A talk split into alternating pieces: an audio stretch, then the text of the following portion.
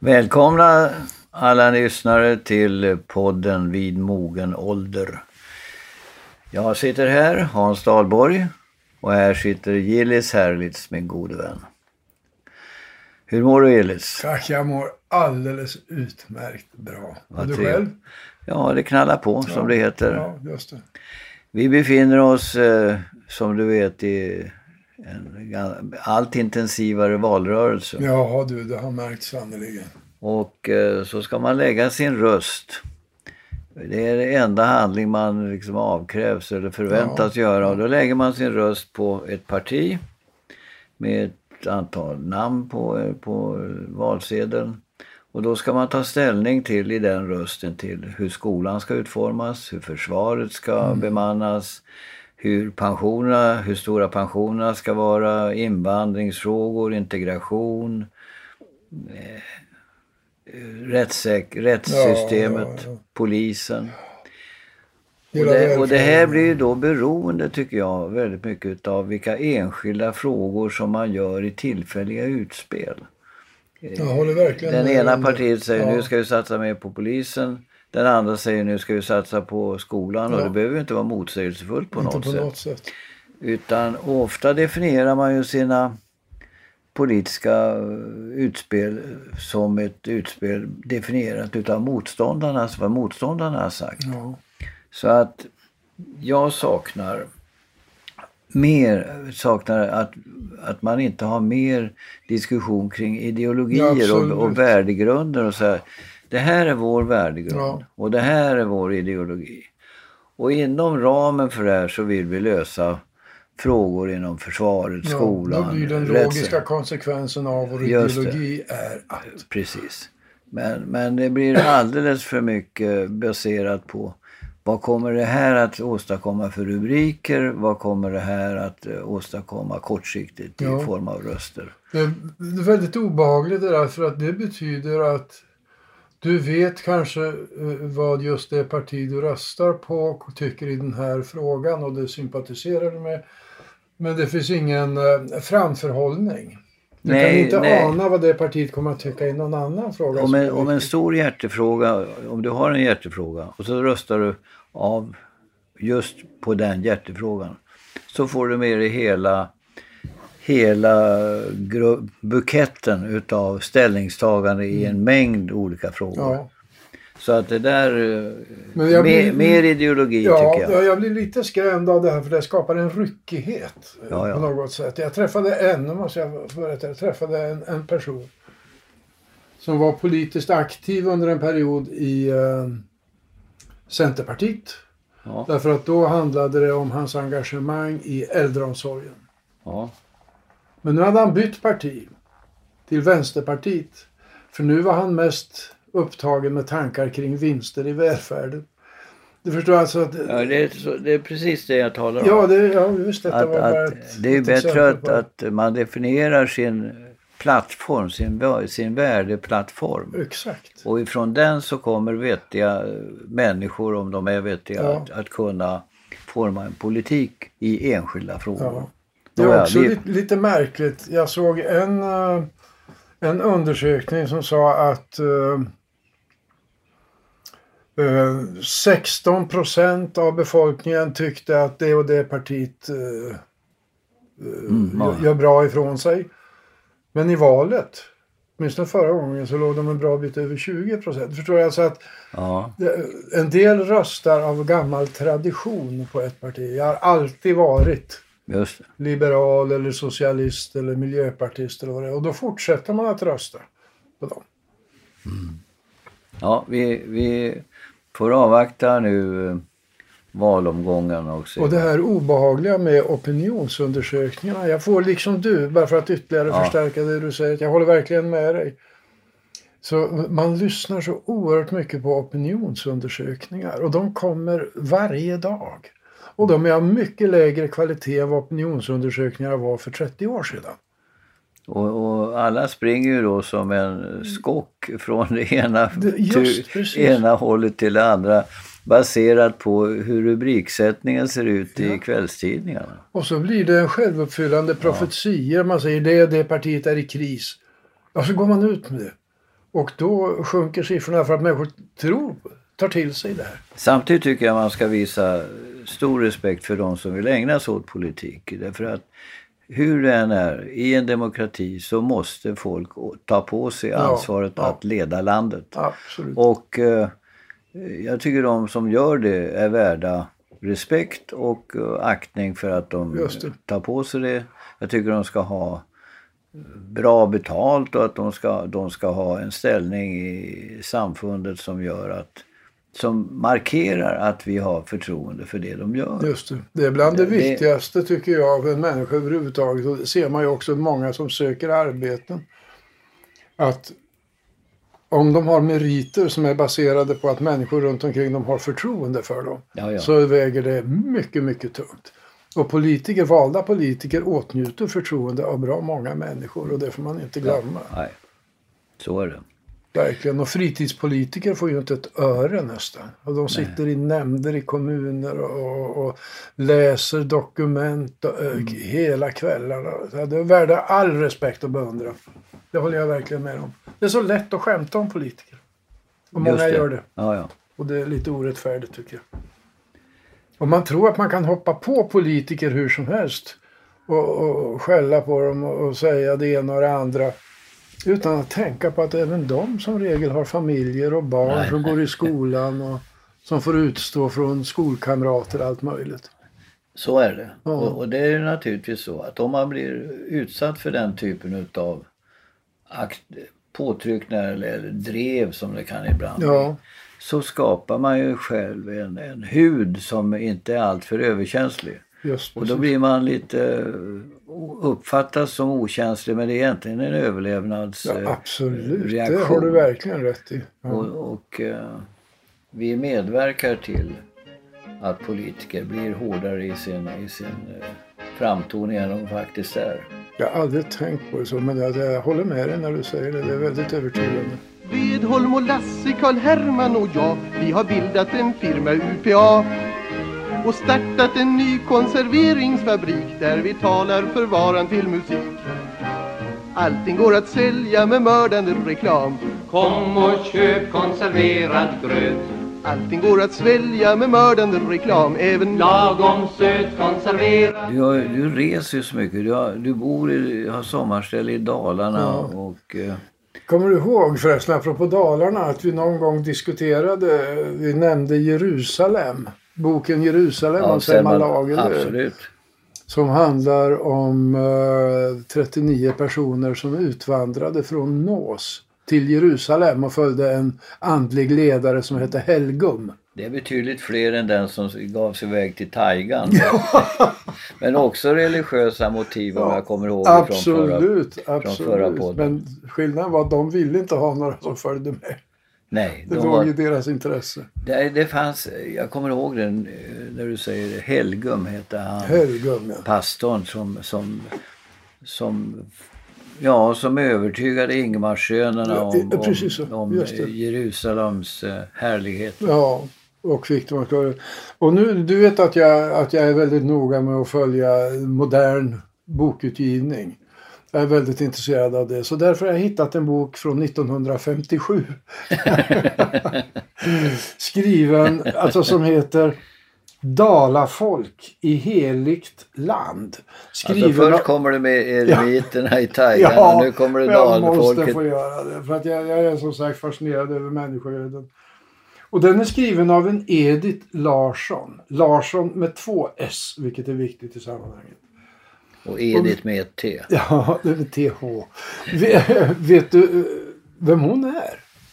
Jag har en aning, ja. men jag tror att du eh, ska berätta det. Ja, det är alltså dotter till Helgum. Han hette till... egentligen Larsson då? Han hette Larsson. Han hette Olof Henrik Larsson och kallades för Helgum.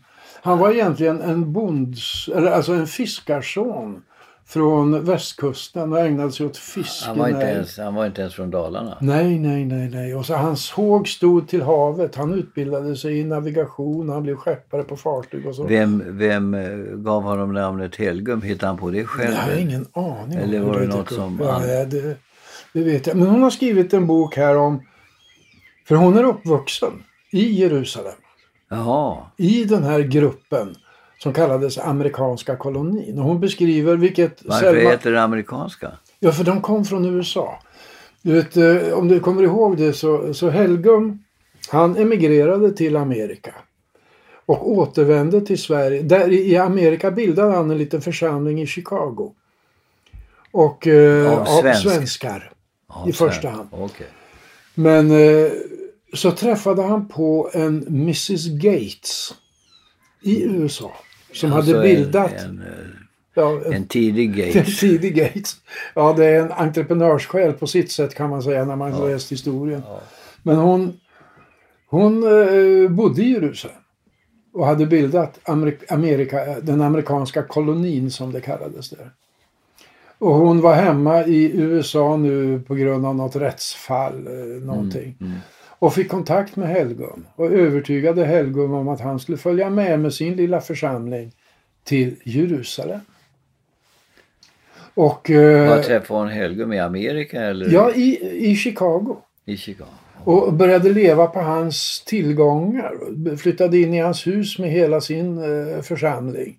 För de var medellösa. Och han hade lite eh, medel sådär. För han jobbade med alla möjliga saker förutom att vara ledare för den här gruppen. Så de slog ihop grupperna och flyttade till Jerusalem. Men Helgum eh, eh, Men fortfarande är Ingmarsönerna kvar i Sverige? ja, ja, men de har aldrig hört talas om Helgum. Nej, nej, nej. Men plötsligt så dök han upp i Dalarna. Jaha. och eh, predikade och fick med sig 39 personer därifrån. Och det är om livet i den där kolonin som den här boken berättar. I, i eh, den här dottern berättar. Och det är väldigt intressant för de var varken en kyrka eller en sekt. Men det som är särdeles intressant med boken tycker jag, det är att läsa beskrivningar från 1896 då de utvandrade till, eh, ja, till 1950-talet. Utvecklingen i Jerusalem. Ja. Det är oerhört spännande. Alltså hon berättade där, där fanns judar, där fanns ortodoxa kristna och där fanns eh, katoliker, protestanter och där fanns eh, muslimer och alla levde i största endräkt. Och var hemma hos varandra, deltog i varandras festligheter och allt möjligt sånt där. Och det här förstördes plötsligt 1917 med det så kallade, vad heter det Balfour Balfour-deklarationen 1917. Som var engelsmännen. Det, alltså, det är ju få av oss som känner till det här. Utan de flesta säger att det här började 1947 när Israel blev en, en, Ja, ja. en egen stat. Men alltså, eh, Balfour var eh, engelsman. Eh, och eh, inrikesminister tror jag han var i England.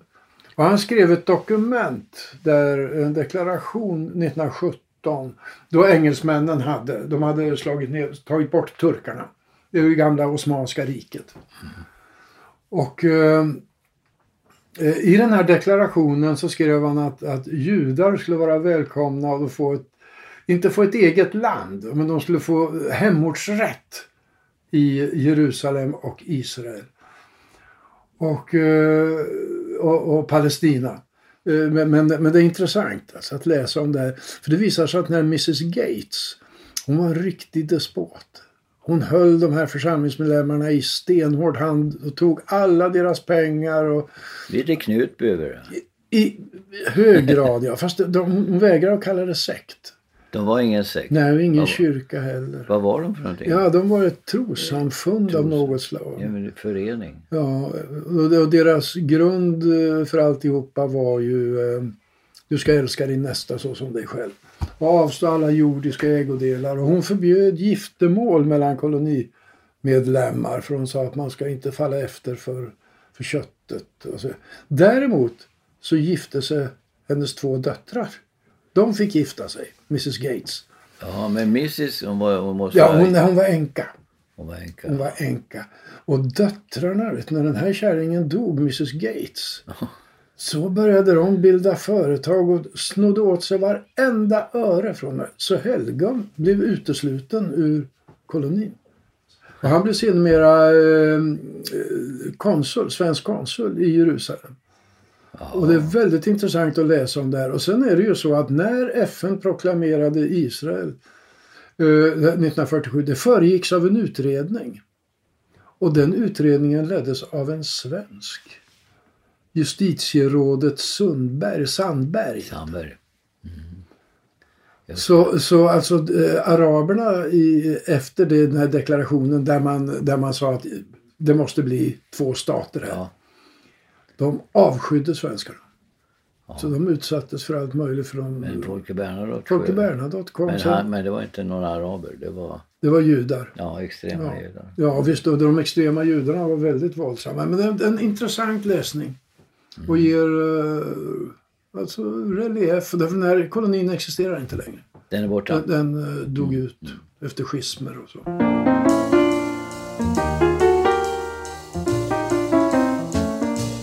Det här avsnittet görs i samarbete med tjänstepensionsbolaget Alecta. En tjänstepension är ett komplement till den allmänna pensionen och vi har talat om kostnader och avkastning för en pensionslösning. Avkastningen är ju inte helt oberoende av den risk man tar och då är min fråga vilken avvägning ska man göra mellan avkastning och risk? Och jag frågar då Alectas VD Magnus Billing om den saken. Om du tittar på den produkt som vi erbjuder så garanterar ju vi pengarna tillbaks eh, till den försäkrade innebär att eh, du har alltid, oavsett hur det går så kan du räkna med att få pengarna tillbaka som sagt var. Den garantin påverkar vilken riskaptit du har eh, och som försäkringsbolaget kan ta. Eh, så att det är väldigt beroende på vad du väljer för produkt och eh, eh vad du har för eh, eh, investeringsfilosofi helt enkelt utifrån dina val. Eh, men det är ju ingen tvekan om att den risknivå du väljer att ta kommer att påverka din möjlighet att få en god avkastning. Så ju lägre risk du tar, ju lägre sannolikhet till, till hög avkastning. Eh, och eh, jag tror att när man sparar till sin pension så ska man nog fundera på att det är långa tidscykler vi pratar om. Mycket. Och börjar man då spara till sin pension vid 25-årsåldern och har 40 års arbetsliv framför sig så ska man, tycker jag, vara lite öppen för att ta lite risk eh, i sitt sparande. Det är ju så att den här podden, den heter Vid mogen ålder och vänder sig ju kanske, eller har sin publik bland personer eh, som är i, nästan i min ålder. Men till dem vill jag bara säga att ni ska tala med era barn och era barnbarn om detta för att tjänstepension är något som kommer att ha stor betydelse för hur de kommer att uppleva sin pensionstid. Även där om jag får lägga till Hans, när man går i pension vid 65-årsåldern, om det är då man går i pension, så är, det, är ju den förväntade tiden man kommer leva väldigt lång. Vi pratar om kanske 20-25 år. Så jag tycker man ska också fundera på att även under den perioden så vill man ju gärna ha en god avkastning på sitt pensionskapital. Just det, Eh, under, under den processen. Ja. Och 20-25 år är en lång tid när man tittar på ett Har ni- investeringscase. Har ni regler för avvägning mellan aktier och räntor i vad man investerar i? Ja, det har vi. Så att eh, eh, vår eh, standardprodukt är 60 aktier eh, som sen fasas ner när du närmar dig din pension. Tack ska du ha Magnus.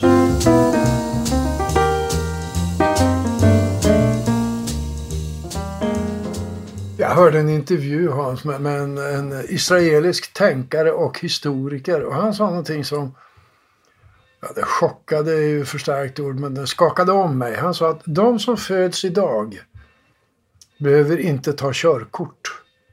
Därför att de kör i förarlösa bilar. De åker, de kör inte, de åker i förarlösa bilar. Kan du se det framför dig? Oerhört svårt att föreställa mig det. Alltså jag förstår tekniken och jag förstår Gör du? ja, absolut att eh, av hur bilen känner av närhet till andra Ja. bilar. Redan idag så tutar det om man backar för nära. Och, Ja, jo. och, men däremot har jag ju svårt att klara ut, förstå hur man ska klara ut rättsförhållandet om det blir en krock. Vem är Ja, skyldig? det. Är det, Programmeraren. Ja, eller bilfabrikanten eller, eller ägaren till bilen. Ja. Om, låt oss säga att du får en krock mellan en förarlös bil och en förarledd bil. Ja. Vem är skyldig? Och hur reder man ut det? Ja. Det var inte ens någon sån här olycka nyligen med en, eh, med en taxi förarlös Ja, Taxi som Uber körde på. Uber. Uber Ja. Just det. körde på någon. Men, men det är ju klart att antalet skador och dödsfall i trafiken kommer att minska om det bara är förarlösa bilar. Ja, absolut. Det, det, alltså de, men, men de fall som Ja, inträffar blir ja. väldigt knepiga att reda Ja. ut. Juristerna kommer att skära guld med Ja. täljknivar. Ja. De sitter vid vägkanten och väntar. Men alltså är tanken det att man ska ha helt förar... Alltså man kan eh, programmera in bilen och komma och hämta en och leta upp en egen parkering. Och... Ja, det vore ju eh, gud behaglig gärning att hitta egen parkering när man själv aldrig kan hitta en Ja, parkering. det. Men alltså jag trivs ju. Jag tycker det är roligt att köra bil. Det gör du också. Ja, Ja, sitta där i baksätet ja dricka kaffe. och ingen att prata med heller. Nej. Men man behöver aldrig bråka om vem som ska köra hem från festen. Nej, det har du rätt i. Jo, men det är väl något ansvar där också förstås. Jo, det var förarlös bil men han som skulle ha kört var berusad. Den gamla klassiska frågan, eh, frun lägger sig i för mycket i bilkörningen. Vem är det som kör bilen, du eller jag? Ja, titta nu vet du inte ens det. Nej, det... Men det går framåt, hör du, te- tekniken. Det, det händer ju oerhört mycket. vad säger du om artificiell intelligens? Vi har pratat om det tidigare. Ja, alltså det där ja, har om robotarna som gör vårt jobb Ja, och till slut talar med andra robotar. ja. Men jag tror inte att, man, att människan försvinner i den eh, hanteringen utan robotar kan inte känna. Nej. Det Men det är ju de. det som är lite vanskligt också när man talar om robotar i eh, omvårdnad och så. Ja, just det. Alltså du menar vård... Man, Ja, kan inte känna, kan inte uttrycka Nej. äkta känslor i ett, i ett samspel med en annan människa. Förmodar jag. Men jag tycker hissen, hissrösten på, på där vi bor har en väldigt vänlig stämma. Andra våningen. Bottenvåningen. Ja, och det är alltid rätt. Alltid rätt. Ja, de är duktiga. Jag undrar var de bor de där som sitter i hissen och Jo, pratar. har, du inte, har du inte hittat det? Nej, Litet, litet. bakom en liten knapp. Ja. Ja, det, men det, det är ytterligare en sån där, vi har ju talat om eh, bristen på tystnad ja. och eh, behovet av ständig vägledning. Eh, De här, vi har också pratat om dem, men de ligger lite grann i samma, alltså sådana här influencers, allt man, så det, det kommer väldigt, väldigt mycket nytt. Och frågan är, alltså, måste man acceptera utvecklingen? Nej, de, jag såg en tidning där man ska försöka adoptera vissa, eh, vissa ord. Man istället för kontext så adopterar man ordet sammanhang. Just precis. Det finns ju massa ord som, som har dykt upp. Ja, Influencers måste väl vara någon som har inflytande. ja, det är väl- Köppåverkare, Ja, visst, visst. påverkare. Ja. Men jag, du gnällde förut över att man hade ordet sales istället för realisation. Men jag gick igenom det stora varuhuset NK i förrgår Mm. och där stod det faktiskt realisation. det gjorde det, ja. Och det gav ett intryck av att det var ännu billigare än när det var sales. Så Ja. realisation, det, det, är, det är ett steg längre Ja. i fråga om billighetsutveckling. Ja det, man kan då börja ifrågasätta kvaliteten. Just det. Ja, det. Är det på sales? Nej, på realisation? Nej, då vill jag inte ha Då, det. vill jag ha det. då är jag inte intresserad längre. Hur ser dina planer ut för hösten, Gillis? Ja, en del tid kommer nog att gå till att jag, jag ska faktiskt spela teater en del. Ett antal föreställningar på Uppsala stadsteater. Berätta. Nej, jo, alltså det är eh, Det är Anders Frigell. Anders Frigell, en gammal god vän till både dig och mig, som har skrivit en pjäs som eh, beskriver ett dödsfall av en advokat. Fast det är så oerhört intrikat så det är människor som var för sig har tillfört den här personen ett gift, men som inte är dödligt. Men kombinationen av gifterna blir dödligt. Men de vet inte om varandra, de här två förövarna. Så Alltså, avsikten... avslöjar du Jo, något? men, det, jo, men eh, så är det.